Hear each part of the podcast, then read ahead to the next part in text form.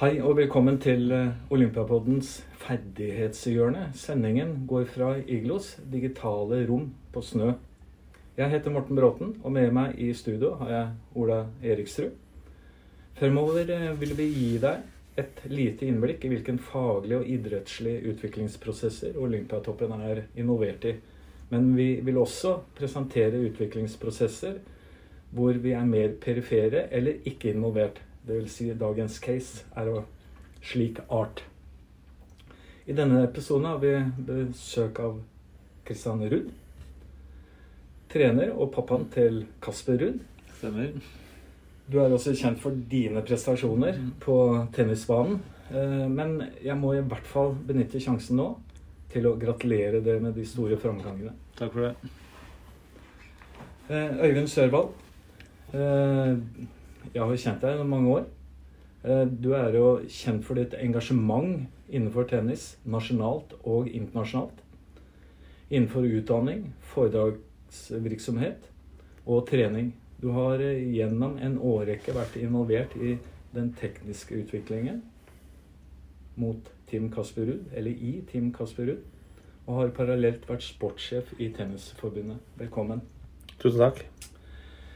Eh, Noe av hensikten det er at vi skal lære av de beste. Så i dag har vi følgende tema. Det er litt om pappa- og trenerrollen. Mm. Og så er det langsiktighet i utviklingsarbeidet.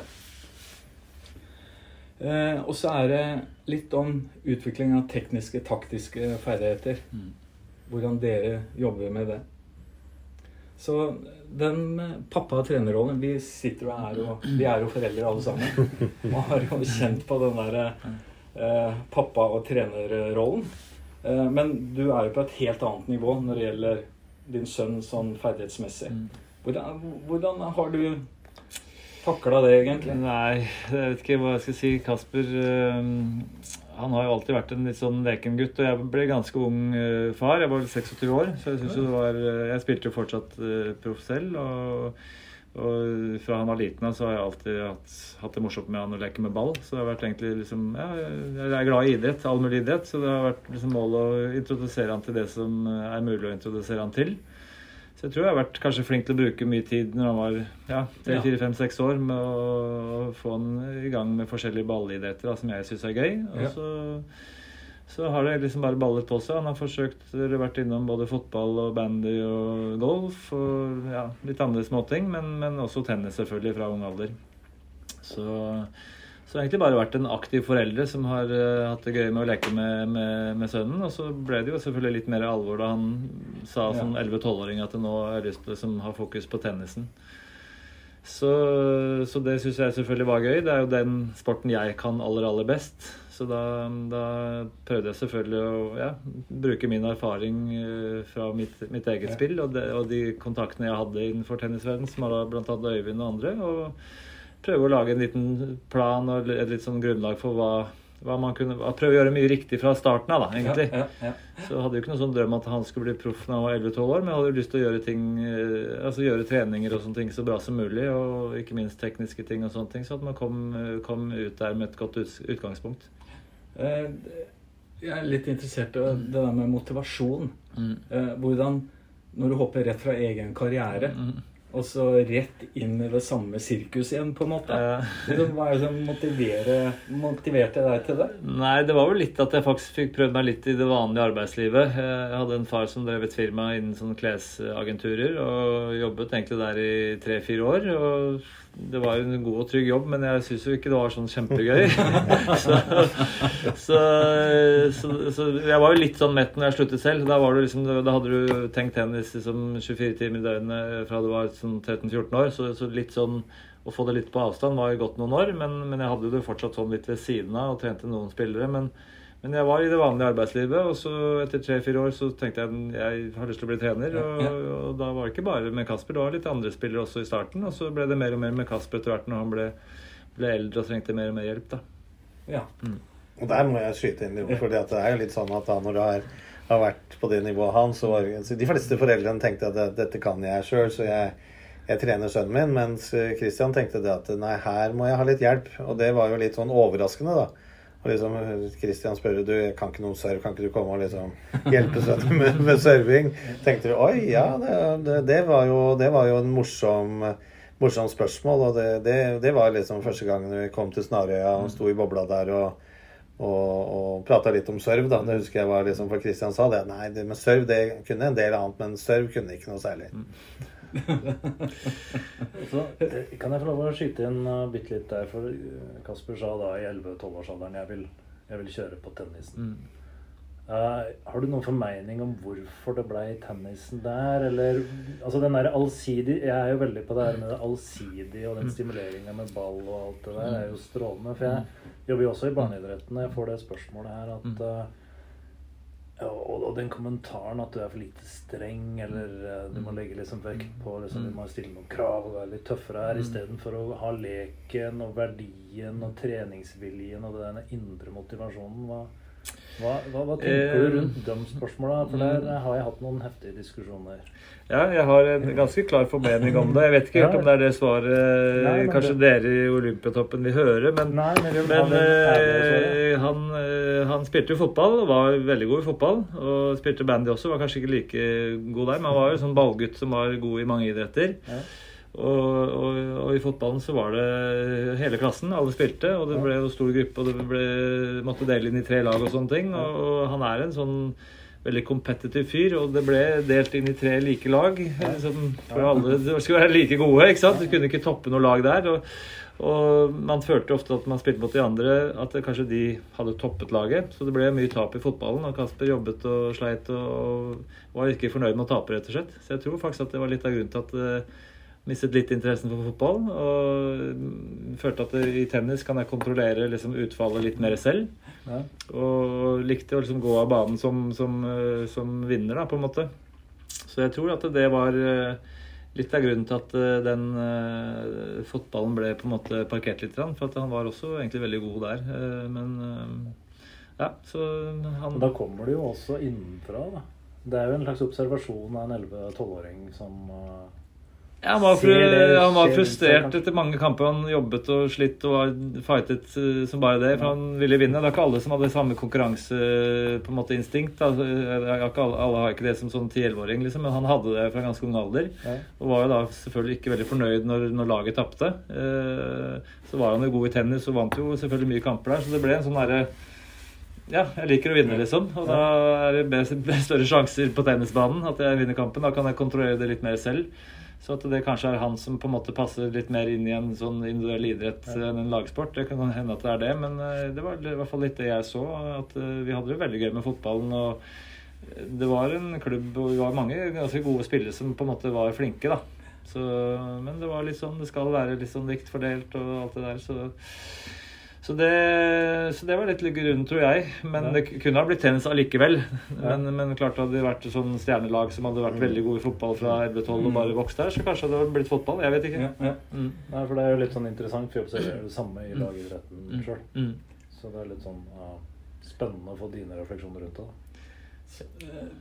Som fra sidelinja, da. Eh, du har liksom vært til stede i, i mange år. Liksom, eh, hvordan ser du den der pappa- og trenerrollen? Hvordan har den utvikla seg fra sidelinja? Altså det, det, det, som man må vite om Christian, det er at eh, det konkurreres hele tiden. Altså Det konkurreres fra morgen til kveld. Ja. Han elsker å konkurrere sjøl. Han har fått Kasper til å elske å konkurrere. Ja.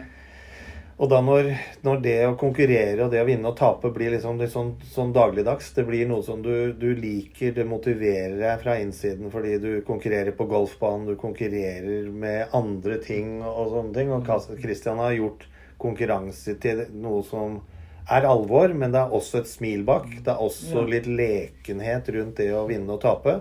Og når du vokser opp i det klimaet hvor det å, det å tape en gang er ikke så farlig for du kan være med og vinne neste dag og neste hull på golfbanen eller et eller annet. Det har jo vært noe som jeg har sett hos disse gutta hele tiden har vært en sånn greie hvor, hvor det har vært eh, skikkelig alvor.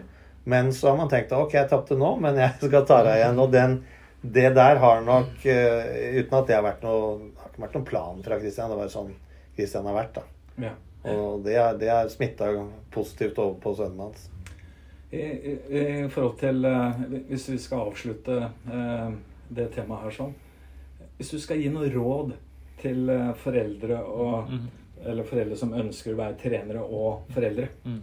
Hvis du skal gi noe råd, hva, hva er det du Nei, jeg tror du det viktigste rådet er egentlig at, eh, at det, hvis du skal trene dine egne barn, at du må på en måte prøve å gjøre det gøy og, og, og litt sånn competitive, sånn som på en måte jeg har vært, og, og, det var Kasper også. Men mange tror nok at jeg har stått og slått ball med Kasper sånn i timevis hver eneste dag, bare oss to. Men det er egentlig litt feil, for jeg hadde litt jeg hadde mine egne erfaringer når jeg, når jeg trente selv. ganger, Jeg likte veldig gjerne å ha en annen med på treningen, for da var det litt sånn konkurranse, ikke bare stå og slå ball med treneren min. Ja. Eh, så det var liksom hele tiden min plan at jeg ikke skal ikke liksom drepe ham lysten hans med at han liksom syns det er så kjedelig å, spille med meg. da. Så vi har hatt, uh, vært flinke til å ta med på en måte kompisene og hatt morsomme treninger og konkurrert og liksom hatt et mm. litt smil rundt det. Men vi har hatt en, alltid hatt gode treninger og seriøse treninger. Det har ikke vært for mye tull, men vi har, vi har på en måte prøvd å ha det gøy så mye som mulig. da, Det Øre. Noen kommentarer på det? Nei, det, det er uh, gøy og konkurranse. Det tror jeg er uh, essensielt. Mm. så Skape den der indre driven. Du har lyst til å komme på trening. Mm. Du har lyst til å være ja, Du møter kompisen din litt på trening også, Nei, så er det, jeg føler at gutter er litt flinke til å liksom, ta et tap. Og så ok, i morgen så er det en ny match, på en måte. Ja. Jeg har jo trent en del jenter også. De er ikke like det er ikke like lett med de, men, men, med gutta så er det sånn ok, de er, de er, vant til å konkurrere litt tror jeg, i alle mulige sporter mm. fra de er små. så Et tap er liksom ikke så farlig, men de, de vil allikevel ha en ny match i morgen på en måte og, og, og, synes det er gøy allikevel. Så, sånn sett så har de vært flink til å på en måte ja, prøve å lage litt den der eh, gøye konkurransedelen av treningen så ofte som mulig. Ja, en, annen, en annen ting som jeg lurer litt på. Det er ikke sant, Idet du er på felt, da. Mm Uh, slår du på en annen rolle da? Og slår du den av, eller hvor er brytningspunktet? For det, jeg kan vel kanskje se for meg, jeg kjenner meg mm. sjøl igjen nå, at du har kanskje noen sånne diskusjoner på kammerset etter mm. treninga osv. Når er det du slår av og på? Er det, klarer du det, eller hvordan er det du gjør det? Ja, jeg tror ikke det er så mye sånn slå av og på, egentlig. Jeg tror bare at uh, i relativt ung alder så tror jeg Kasper på en måte skjønte at jeg hadde noe å fare med. Ikke, jeg tror nok det er lettere for meg som forelder som på en måte har vært der før. Han skjønte at jeg hadde vært proff og liksom spilt mot uh, toppspillere og sånne ting og hatt suksess en pappa som kanskje ikke har vært Jeg likte ikke å høre på faren min når han skulle fortelle meg hvordan jeg skulle spille tennis. For han var jo ikke noe god til å spille sjøl. Så jeg tror jeg har hatt en liten fordel med at Kasper har fra ung alder hatt litt sånn uh, tiltro til det jeg har sagt. Både når det gjelder liksom, hvordan man skal trene, og hva man skal trene på og sånne ting. Så vi har alltid prøvd å liksom, lære han å være liksom, ordentlig seriøs og trene Når vi trener, så skal vi trene. Og liksom aldri på en måte ikke gi 100 da. Jeg, tror vi har, jeg har visst at i Norge så har vi ikke hatt sjanse til å trene like mye som kanskje i andre land, for at det er skole og det er sånne ting. Så, så målet mitt har i hvert fall vært at når vi står på banen, så skal vi gjøre en skikkelig innsats hver eneste gang. Og så skal vi prøve å ha så mye lek og gøy i, i det også. Men liksom, treningen begynner klokka ti og varer helt til tolv. At ikke man liksom på en måte ja, jukser unna her og der og, og har det for behagelig, rett og slett. Ja langsiktighet i utviklingsarbeidet. Ehm, det har kommet meg for øre at du holdt et foredrag i 2016. Mm -hmm. Du hadde en uh, What to do for å få en ung tennisspiller opp i verdenstoppen. Mm. Hva gikk den ut på? Nei, gikk, det gikk vel ut på det at tennisen på en måte, sånn som jeg så det fra utsiden, hadde liksom ja, ikke fornyet seg, eller ja, både fornyet seg og forbedret seg. Da. Det var, det var en helt annen, annen, type tennis eh, der nå. Du, du, hadde spillere som Djokovic og disse mm. ja, som har dominert sporten nå de siste 15 årene. Og det var mye fysikk, ikke minst. Og så var det selvfølgelig Alle hadde alle hadde gode slag foran backhand serve. Altså alle var gode på alt. Ja. I, på min tid så var det noen som hadde ok, han hadde jævlig god forhånd eller god serve. Nå, nå følte jeg at alle spillerne var gode på det meste, og ikke minst hadde de ekstremt god fysikk. Så eh, jeg skjønte i hvert fall det at eh, sånn fystrening som jeg gjorde, eh, eller oppvarming og sånn som jeg gjorde, det funket ikke lenger. Så vi måtte på en måte tenke litt annerledes. og og eh, der kom Marcel da Dacruz inn i bildet, som på en måte har eh, vært med på å liksom forme Kaspers fysikk fra han var kanskje 13-14 år. 13 år, At vi begynte å ta litt tak i det da. Og så ikke minst er det teknikken hvor Øyvind har, har vært en del av teamet helt fra Kasper var egentlig 10-11 år og har video fra han var bitte liten. Så, så, så vi, Kasper har jo alltid hatt en veldig sånn naturlig god forehand, og jeg så jo ganske tidlig at det som, Man må prøve å bygge spillet rundt det. og mm. Hatt veldig fokus på at den ja, ok, da får den målet er å få beste forehand i verden, men så må du jo være god på de andre tingene også.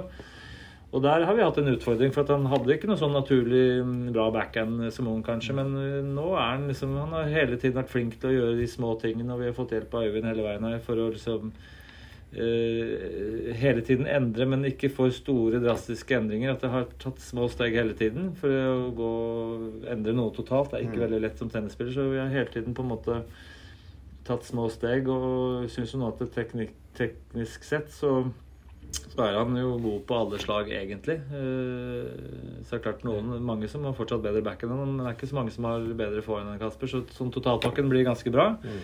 Og ikke minst også det fysiske syns jeg så ser, ser, veldig bra ut. Så er liksom, det er jo også grunnen til at han er der oppe hvor han er nå, mener jeg. da. Hva har vært det viktigste fra du lanserte den planen i 2016, eller mm. mm. folk fikk høre om den? Hva, hvordan har du bygd det opp? Eh, Begynte du med alt samtidig, eller har du tatt steg for steg der? Mm, jeg, jeg, har vel tatt steg for steg, og det som jeg på en måte kanskje føler at det er vanskelig i tennis, da, er jo at man, man, har disse rankingene allerede fra ung alder, så vil man jo på en måte være med, men så skal man ikke spille for mye og alt det greiene der. så så når Kasper på en måte litt, kanskje litt overraskende kom til finalen i EM U14, som er liksom ganske Ja, de fleste gode spillerne er fra Europa. Så går du til finale-EM, så er du ganske god.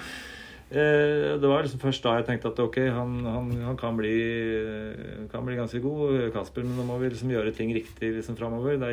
Mange da kjørte på med masse turneringer som 15-åring hvor det ikke er så eh, viktig å på en måte bli nummer 600 i verden for junior. Altså, vi, vi, tok et år hvor vi liksom hadde mye fokus på fysen og teknikken og prøvde å legge et ordentlig grunnlag i den perioden fra han var 14 til 15 år, hvor kanskje mange andre konkurrenter fortsatte bare å øse på med turneringer og, og kanskje spiller seg litt i hjel før, liksom, før, det virkelig gjelder. da. Mm.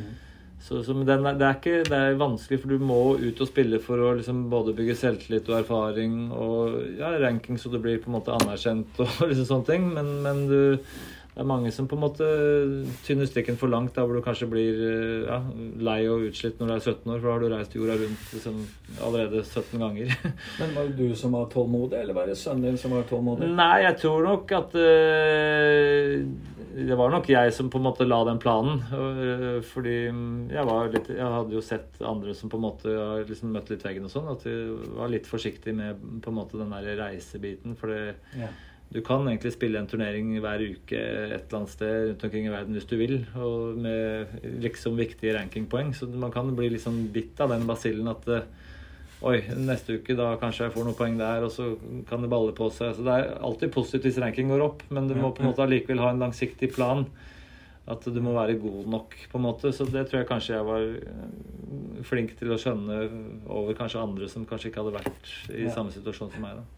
Sett fra sidelinja, har dette vært avgjørende? Ja, det, det, har vært helt avgjørende. Det har vært helt avgjørende med den, den måten Christian hadde litt sånn ro i dette her. Altså ja. det at For det er jo litt sånn med, med, når vi jobber med Christian og Kasper, så er det jo hele tiden en sånn Ja, vi tar et steg, men vi går ikke så altfor langt ut av komfortsonen.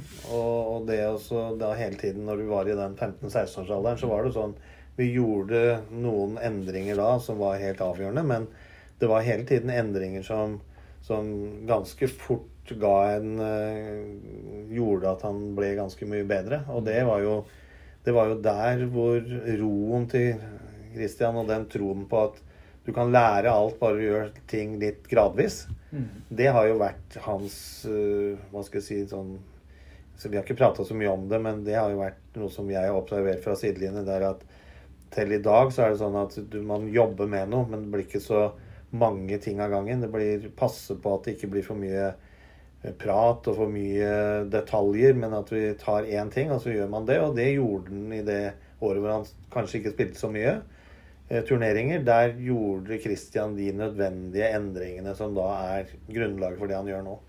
Og det, det, det er jo det vi kan sitte og se tilbake på, så sier Christian ja i 2016 når han sa det, så hadde han jo holdt på lenge med det å bygge fys og bygge disse tingene gradvis. Men det er, det er jo litt den Christian som den, har den roen, da.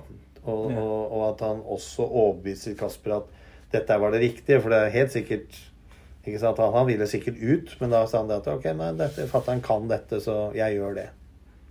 Eh, vær så god. Har du fortsatt ikke sant, Du hadde et slags i mangel på et bedre ord, mhm. kall det hvileår. Det blir jo helt feil å si, egentlig, men med tanke på turneringer, ja. Mm. Er det en tanke som liksom har gjennomsyra det videre derfra òg? At uh, litt sånn konservativt tenke, bygge steg på steg, eller?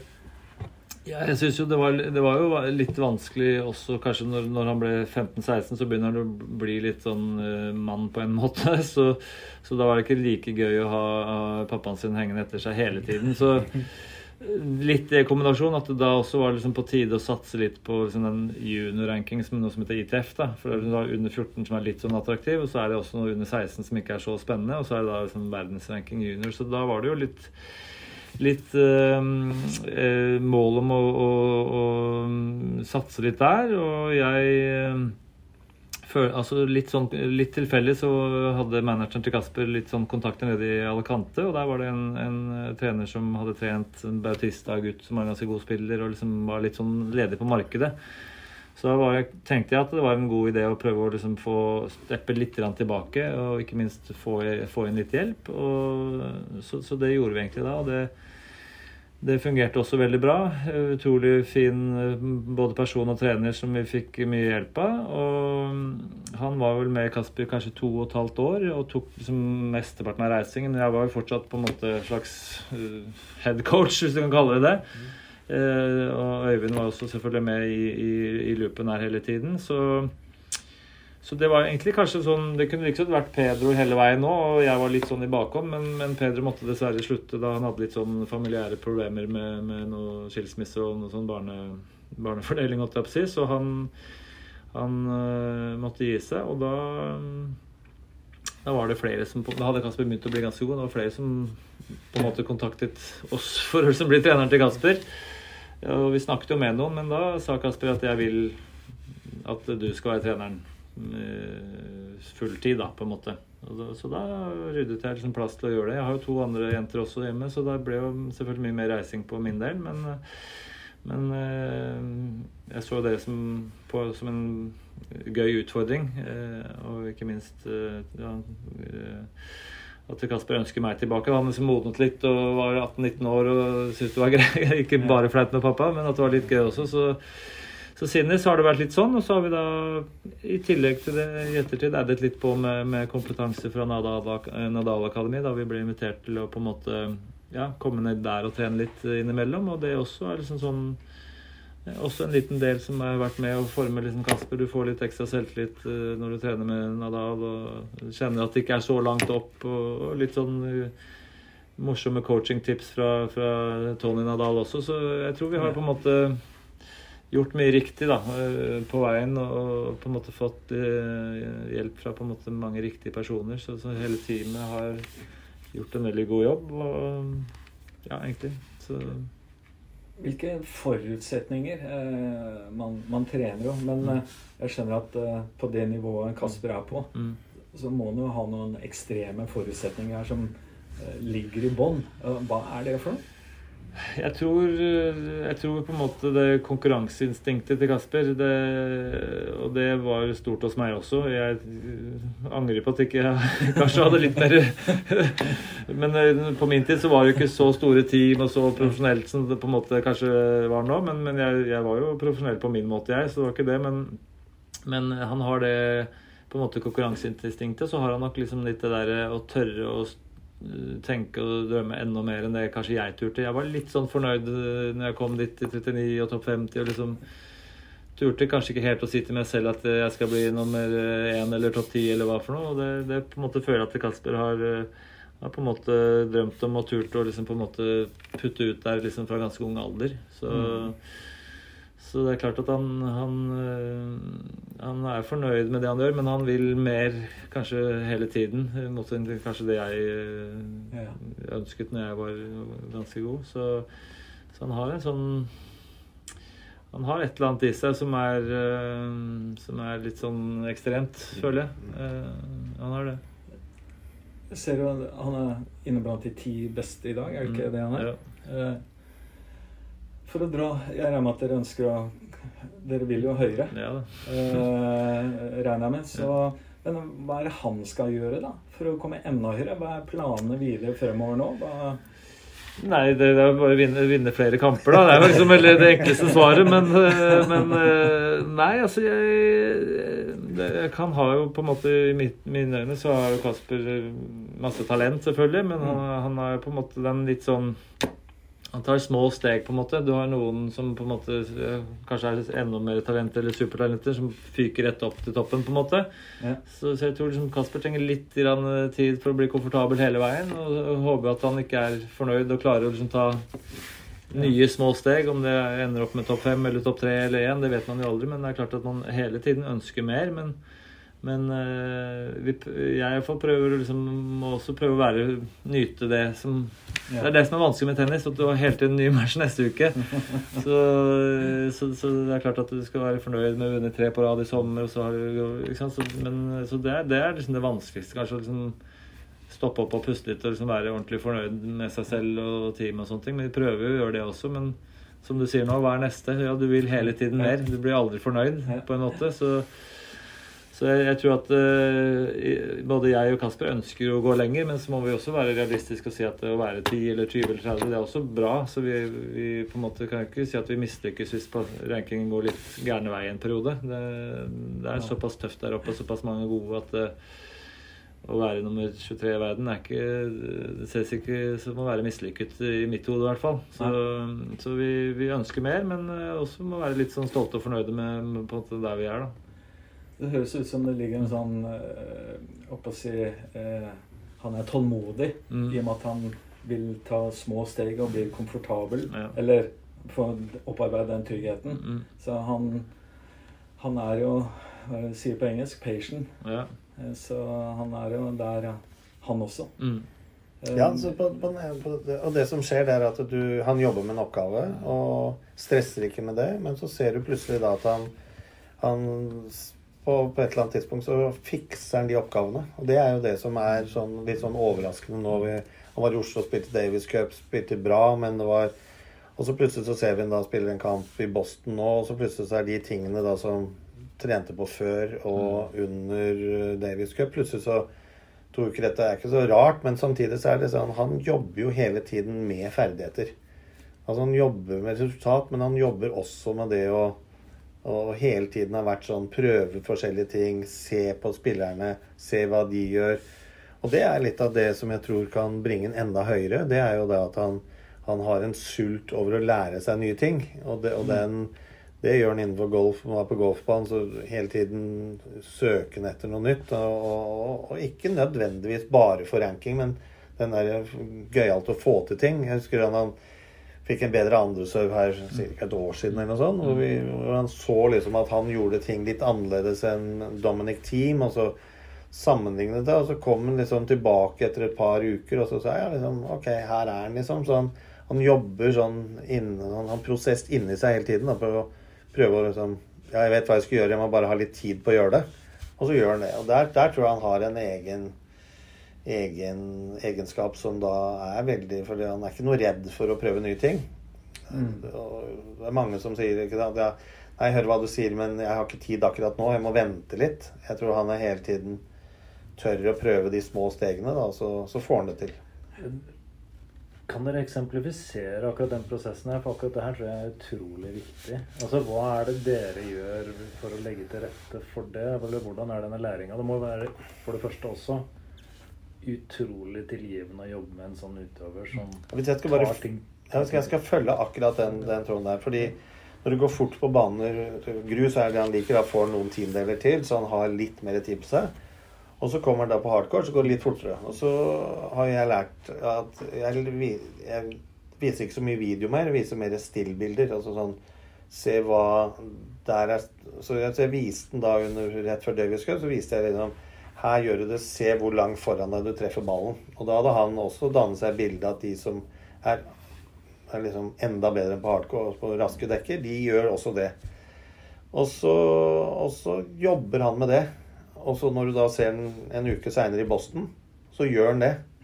Fordi da, da, ser du Vi har ikke pratet så mye, vi skal se på dette etterpå, men, men når han treffer den litt seint, så, så, så, avslutter han mange ganger over her for å få nok toppspinn. Avslutter han veldig mye opp denne veien på høyre side av kroppen. Men når han da treffer litt lenger framover, så kommer racketen mer framover. Og, og, det er da sånne ting som han jobber bare med. Fått dette bildet, og så jobber han med det, og så får han det til. Og, og det er da fra å vise video når han var ung og bare et par år siden, men så har vi begynt med mer stillbilder. Eh, når vi skal være veldig presise i forhold til hva er tekniske ting. Og den prosessen, der har vi lært veldig mye av, av Kasper. For han sier ikke så mye tilbake, men vi ser når han responderer på sånne ting. da. Og, og, og, da er vi helt enige når vi mm.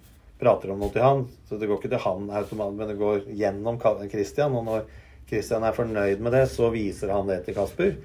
Og den prosessen der tror jeg har vært veldig Vi har lært hverandre å kjenne da, på den måten.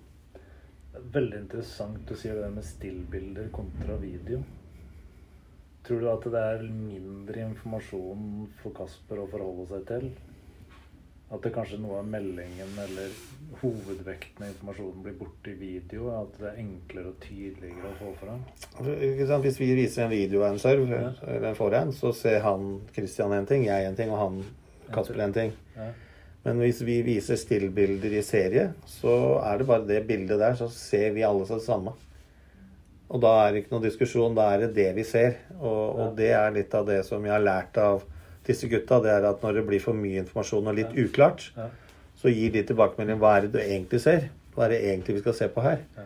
Og det, det, er sånne ting som vi som driver med analyse, må være veldig varsomme med. Det er også, Vi har så mye informasjon. Vi kan ski dem så mye, men vi må holde igjen. Og så må vi prate mye. og så mm tror jeg det er sånn at Christian, når det er timingen for å vise Kasper, så gjør han det. Noen ganger så viser han ikke i det hele tatt. Men han vet det, og jeg vet det, men det er ikke sikkert han vil vise det heller til, til enhver tid. Så jeg tror det er tror det er, vi har funnet en måte her som Christian er fornøyd med, at det ikke blir for mye. Det tror jeg er det, det viktigste. Ja, men, jeg tror det er et veldig viktig poeng til den som mm, hører på. akkurat mm, det der. Altså velge informasjonen, med være tydelig i kommunikasjonen og være enig i hva, hva er det vi faktisk ser her. Mm. Det er et veldig, veldig godt eksempel, og veldig synlig og tydelig, som også langt utover tennisen er veldig relevant. Da. Ja, ja. Det er veldig bra. Eh, vi skal fortsette på det, men jeg ville ha noe med, noen anbefalinger ut av veien da, mm. i forhold til langsiktighet i ja. treningsarbeidet. Mm. Hva vil du eh, anbefale for andre? Jeg, tror du Det er jo som sagt Tennisen er jo der eh, du vil ha poeng og sånne ting hele tiden. Så du, kan, man kan fort bli litt utålmodig. Men så er det viktig å ta de små stegene. Så er, man må ha en liksom langsiktig plan. Man må jo på en måte bygge fysikken skal du bli en ordentlig god tennisspiller. Så jeg tror ikke det er noe mer fokus på oksen at man på en måte setter seg noen litt sånn langsiktige mål. Da. Og så, og så må man være forberedt på at det kan gå litt sånn i bølgedaler i tennis. Det er eh, det er ikke alltid bare oppover. Og Kasper har hatt sine, sine ja, dårlige perioder, han også. Så sånn er det bare. Så, men har liksom troa på det man gjør, da. Og tenke langsiktig og sette seg noen mål. Og vi har jo vært kanskje heldige, for han har hatt seg hele tiden mål som han egentlig har klart å oppnå. Så sette seg sånn relativt realistiske mål, og så prøve å heller slå dem. Og så er det motivasjon til å på en måte sette seg litt tøffere mål framover. Så det er vel ikke noe mer egentlig råd enn det. Da. At man på en måte har en plan, stoler på den planen og ikke begynner å vingle for mye. For liksom, plutselig er det én som gjør noe jævlig bra. Oi, da må vi gjøre det samme som den personen. Ikke sant? Det er veldig sånn typisk eh, Kanskje foreldre som ikke har den eh, litt sånn samme bakgrunnen eller kompetansen som meg, som på en måte er litt tryggere på den planen jeg har lagd, for at jeg har vært der litt selv. Mens uh, det er klart at så er det en der som blir god, og så, så slo hun eller min spiller den for to år siden, så har hun plutselig blitt bedre, og så blir man stressa, og så skal man finne på nye ting. Det er liksom litt sånn typisk i tennisen, føler jeg, at man, man blir litt så for utålmodig og stressa fordi ja, noen tar noen steg hele veien, og så blir man uh, usikker på det man driver med. Og det er, det er viktig ikke bli. Det syns jeg var gode anbefalinger. Mm, mm, mm. Det tok jeg rett til meg, egentlig. Um, litt tilbake til eh, samarbeidet, mm. dere to. Du har jo ekspertise innenfor teknikk, mm. kommunikasjon og feedback. Mm. Og så har du ekspertise innenfor kraftstyrke. Mm. Det er ikke bare bare det. Nei da. så liksom, hvordan eh, dealer du ved det?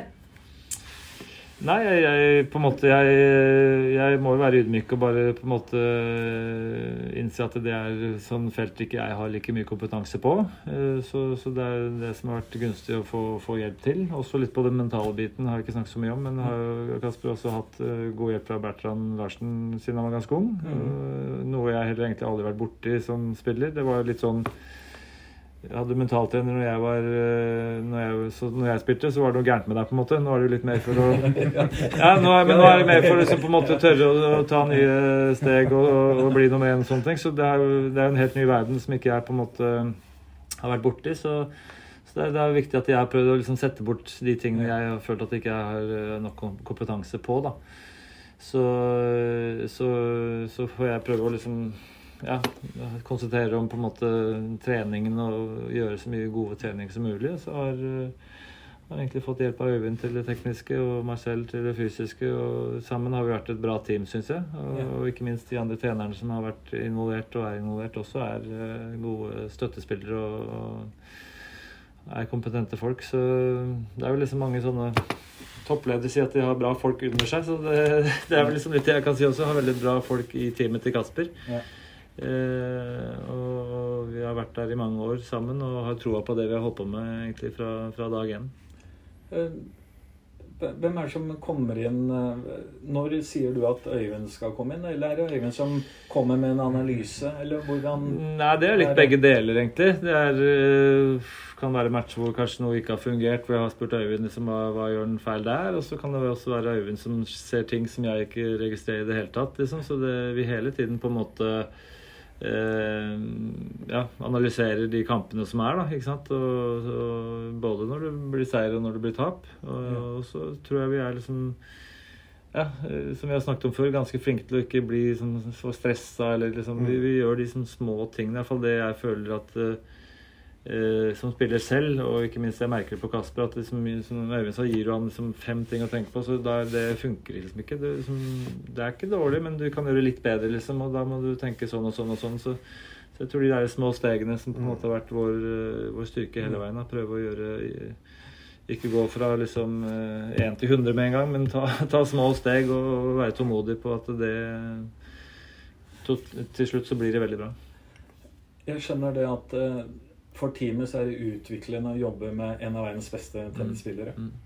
Men eh, utenom det, uh, uten å jobbe i det praktiske rommet, mm. hvordan utvikler dere dere sammen? ja, nei, altså, Jeg hadde bare tenkt å si, fordi det henger litt sammen med det forrige mm. svaret til Christian. Det var det at eh, jeg lærte jo det å Fordi at jeg var sammen med noen andre team. Og jeg lærte det fordi at når du sitter der og har så mye informasjon som det vi har fra analysen, så er du dødskeen til å begynne med. Ikke sant? Du vil bare se, se hva, vi kan, hva, vi kan, gi. Men så hadde jeg vært sammen med noen trenere som før, før ja, Samtidig med når Kasper var ung, så hadde jeg noen spillere som var av, noen av de beste på turen. Og da lærte jeg hvor viktig det var å holde igjen informasjon, og lærte at her var det viktig at eh, når du kom med noe, så var det noe, og ikke bare komme med noe fordi du hadde funnet noe informasjon. Så det var jo det som gjorde at jeg kunne gå litt mer Kanskje ikke prøve meg fram på Kasper, men mer det at jeg hadde gjort det før. Så da kom jeg kanskje med riktigere mengde informasjon, da. Ja. Og så tror jeg det at Kristian eh, har jo vært på søken når han er ting han ikke kunne, så fikk en dokumentasjon. Vi gikk gjennom trenerkursene. Litt sånn fast track. Det er mange ting Christian kunne som han ikke måtte gå gjennom. Men så var det andre bøker han leste litt på for noen år siden. Og der tror jeg det der å lytte Jeg, jeg tror det at Christian er en god lytter. Han er en kar som lytter, hører på andre. Tony Nadal, ikke sant. Du, som han sa i stad, mm. du får noen tips der. Mm. Mm. Han er ekstremt til å ta opp de tipsene og sortere ut hva er relevant for det vi holder på med, og hva er relevant. Så vi alle sammen, og Marcel, Fys, jeg prater sammen. Vi prater veldig mye sammen.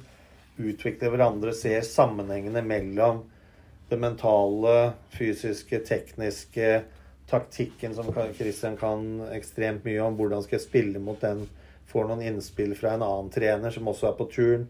Hva, hva gjør vi vanligvis mot den spilleren? Så han er jo en, som jeg sa innledningsvis, han er en som tør å spørre. Det er veldig mange trenere som ikke spør. Som tenker uff, nå viser jeg svakhet ved å spørre andre. Mens han spør, og han, han tør å spørre og si at dette kan jeg ikke så mye om. Her må jeg spørre noen andre. Og det er utviklende for alle i teamet, for da prøver vi det samme. Og det er da å ha en sånn, sånn, evne som Christian har til å lytte og spørre om. Det utvikler jo han hver dag, og oss andre også. Da blir mitt neste spørsmål er, er Kasper også sånn? I uh, den interaksjonen, diskusjonen med dere? Eller hva er, dere, hva er din observasjon? Nei, jeg tror jo på en måte han spør på, på, på, sin måte. og det er det at man, Når man har holdt på som man har gjort noe, så tar du helt nye, nye, steg hele tiden. og det er liksom Du spiller match med Federer, du lærer litt av det. Du trener med Nadal, du trener med Tia. altså Hele tiden de små tingene som han har opplevd på vei oppover. da ja. Som på en måte har gjort at han også øh, ja, ønsker å ta til seg de ferdighetene og liksom ja, trene like hardt som Tia eller Nadal. Liksom gjøre de tingene, små tingene de gjør, annerledes enn kanskje de som er nummer 30 og 40 og 50. og det er hvert fall jeg har vært veldig mm. eh, nøy med å prøve å videreformidle til Kasper.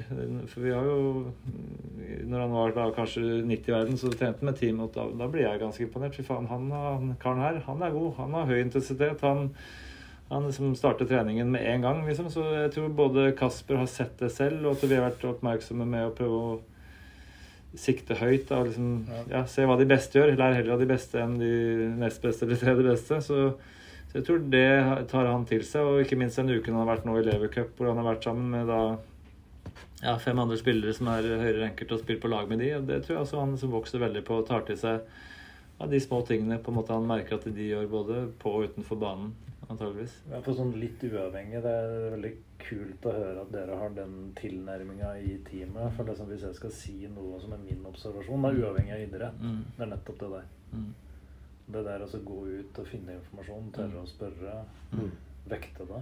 Mm. Relevant, ikke relevant. Mm. Og så implementere i små doser. Mm. Det er altså, den derre søken hele veien. Mm. Den, den, den, den, hvis jeg skal ha én rød fellesnevner, mm. om det er tennis, basket, whatever, uh, det, er min, det er min fellesnevner. Ja. Ja, og så er det en, en, annen ting som vi har lært uh, med Kasper. Han er jo en visuell kar, men også en kinestetiker som også må kjenne hvordan ting er. Han kan jo, han kan jo se en bevegelse og så etterligne med en gang. Så, så, så, det er jo litt sånn at når han har sett seg sjøl på video, da, så tror jeg han har danner seg sånne bilder inni seg. Liksom, hvordan skal jeg serve? Hvordan skal jeg gjøre dette? Så det har jo også vært en en forse fra hans side at han har så ekstremt lett for det. da, Og så gjøre de tingene. Hvis han først har bestemt seg for å lukke racketen på backhand, så gjør han det. Og så de gangene han glemmer det, så er det bare å minne på det, så er han tilbake der igjen. Så, så Og da har jo, da har jo det å være si, Komme med ting i dose, små doser har jo vært viktig. At det ikke bare kommer hele tiden og skal forendre endre noe. så og da er han filteret i, i dette her.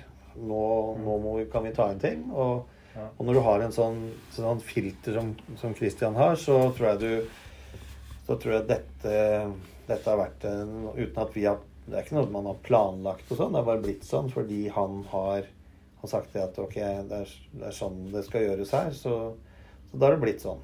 Da, da har vi utvikla det alle sammen i, i teamet, den, den dialogen som som vi har, som, som, utvikler oss hele tiden, og som også Kasper er en del av. Men han, han, har jo Han er ikke den som alltid spør, men han observerer veldig mye, da. I forhold til eh, Vi snakka i stad om å ta det steget mm. eh, videre opp. Mm. Eh, du som leder av teamet her, mm. du som hovedtrener, mm. liksom, hva blir dine største utfordringer, tror du? Liksom, her sånn, Må du bli skarpere på noe? Må du være Ja. Mhm. Liksom, må du være mer autoritær i prosessene, mhm. eller må du være enda mer teamtilknytta, eller hva, hva, tror du? Og hvor går tennisen hen videre? Blir den raskere, blir den langsommere, eller Det var store spørsmål. Ja, det, det var det. Vanskelige spørsmål. Nei, jeg tror jo selvfølgelig Jeg må jo prøve å ja, forbedre meg hele tiden, jeg også. Og liksom jeg sa, vi er der ute, og vi, både når Kasper trener med Medvedev eller hva det er for noe, mm. så prøver jeg å se og, og, lære hva de gjør for noe. Og så, så er det klart at uh, ja, om han lykkes med det. Det er jo til syvende og sist Kasper som skal slå ballen inn, men jeg må prøve å få gi han selvtilliten og på en måte styrkene til å klare det ja, på det absolutt øverste nivået. Så, så langt har det gått bra, og jeg tror liksom litt den med at han bygger seg litt selvtillit og erfaring hele tiden. Jeg håper at det er det som skal ta han enda videre. liksom Denne uken her i Boston med, med disse superstjernene og være der. At, det, at han vokser litt på det også. Eh, så det er klart at tendensen videre Det er øh, vanskelig å si liksom hvor den går, men, men øh, det er jo store karer, de som er i toppen. Uh, som tenker jeg sånn fysisk. Så fysikken har nok litt å si. Og Kasper er liksom midt på treet der, så det er ikke noe mulighet for han å kunne bli nummer én i verden. Men jeg tror nok også framtiden vil se ja, sterke, store, sterke karer eh, i toppen. Så, så, det er klart at du, det blir tøft å henge med, men eh, ja, målet, altså Kasper, kanskje det neste målet er jo på en måte Han er jo kanskje en av de beste grusspillerne i verden, men som virkelig får det til kanskje i French Open og, mm. og har fått det til ganske bra i Masters 1000, som er de nest største. Men liksom et godt resultat i French Open. Eh, og så prøve også kanskje å vinne en turnering på hardcourt er jo kanskje de neste målene for Kasper. da. En, en, gjerne en stor turnering på hardcourt, men uh, kan starte med en 250 kanskje, som er litt av de mindre. Som, så det er liksom litt de små målene vi har, og så får man jo se om man lykkes med det. Men uh, ja. Uh, er det an å heve på hardcourt? På hardcourt så må man jo kanskje heve det og liksom, spille litt sånn hurtigere og stå litt høyere opp i banen. Og, og litt serve og retur og sånne ting, selvfølgelig. men men eh, det er små marginer i tennis. Det er ikke, det er ikke mye som skal til for at du på en måte ja, vinner en match eller taper en match. Og så bare, ja, jeg tror at det bare være liksom mer komfortabel i hardcore-situasjonen, og det har han egentlig vært nå i det siste. Men um, så er det litt sånn som man ser nå, at uh, han som han taper for US Open, er 130 på rankingen. Altså, du har sånne Det er så bredt i tennis. Ja, ja. Så det, så det er litt sånn eh, Det kan være dritvanskelig å slå en som er 130 når han har dagen. Uh, uansett om det er på grus eller hardcourt, egentlig, så, så gjelder det da selvfølgelig bare å vinne litt mer enn du taper på et år. Så kan rankingen bli god allikevel. Men, men det er vanskelig. Det er mange gode, og det liksom, tar ingenting for gitt, egentlig. Men ja, vi må prøve å utvikle oss selv hele tiden, og Kasper må også prøve å fortsatt, fortsatt være den liksom, søkende personen han er, og prøve å lære av de beste, som han har vært flink til i hvert fall opp til nå. Jeg må si at det er utrolig interessant å høre hva du sitter inne med. altså. Mm -hmm. Og høre den kompetansen du har. Det må jeg si. Det, jeg har fått et nyansert forhold her til mye sjøl. Mm. Uh, Søkende. Det liker jeg. Ja. Det liker jeg veldig godt. Ja, det, det må jeg si. Det, her, her, lå det mye, Kristian. Ja, takk, Morten. så har du noe du vil formidle til slutt? Nei, altså jeg tror Det er jo akkurat dette som vi føler som jobber sammen med Kasper og Christian. Det er, eh, de, de, de er eh, ydmyke. Eh, vi skjønner hvor vanskelig det er, og ydmyke i forhold til hva vi har fått til. Og derfor så er det jo veldig spennende å jobbe videre, fordi vi får lov til å, å være ydmyke, vi andre også. Vi vet at det er ikke noe sånn sort-hvitt, det er ikke noe quick fix-løsninger. Det er ikke noe sånn bare vi får til det, så det er ikke sånn. Fordi, og, og, da er det jo hele tiden at vi som er rundt, fungerer på den måten at vi er, den, eh, er der at vi kan faktisk bidra med, med gode uh, innspill som, som, vil skape gradvis si, endringer. Men det er gradvis som er stikkordet. Det er ikke de der store byksene 'Nå bare gjør vi sånn'. ikke? Er, vi møter mange som sier at det er jo bare å gjøre'. ikke sant? Men det er dessverre ikke det. Det er, det er de små tingene som skal uh, vi først uh, si, tenke. Og så er det jo hvordan sender vi det? Hvordan, hvordan presenterer Christian dette for Kasper? Når da du skal bli litt bedre, du skal stå litt høyere, høres veldig lett ut. ikke sant? At du bare går litt nærmere nettet. Men det er en veldig vanskelig, vanskelig både mental, fysisk, teknisk øvelse å gjøre.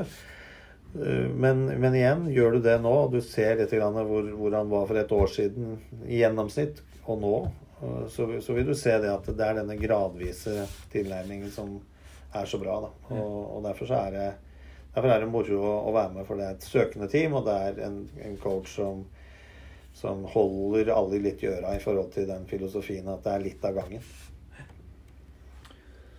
Så tenker jeg litt sånn uh, litt større enn uh, det teamet her, da. Hva tenker vi om norsk tennis? Hva har vi lært? Hva kan vi lære av den suksesshistorien her, da? Det er, det er en ganske stort spørsmål, men en sånn avslutningsvis. Ja. Nei, altså, ja, jeg, jeg, har jo helt klart det, det, et, det som jeg håper på da, skal skje. Ja. Fordi at vi har jo nå noen, og da er det jo akkurat den tilnærmingen som vi har gjort her, hvor vi har at det ikke bare er én trener og én spiller. At one man band is over. Det var når Christian var der, men nå er det da å søke kompetanse. Eh, jobbe med disse delmålene og jobbe og vite at det er ferdighetene som utvikles. Uh, for det, det, er det Christian har gjort. Selv om man er resultatorientert, så er det ferdighetene som, som du gjør mellom turneringene, som, som da faktisk bringer deg framover. Og, og, da må vi i Norge jobbe eh, annerledes. Som Christian sa i stad, du, du, du har ikke så mange timer, så den innholdet og kvaliteten på de treningene som da du kjører, må være høyere enn en ute i verden. Ja. Så den må være mer intens, mer presis, mer hensikt. Ja. Og det, det, det, er jo akkurat det han har gjort. Nei, for presis og hensikt er to fine ord der. Ja. Veldig fin over. Jeg foreslår at vi takker for i dag. Det har vært interessant. Så tusen hjertelig takk til dere to. Det var hyggelig. Kjempegøy.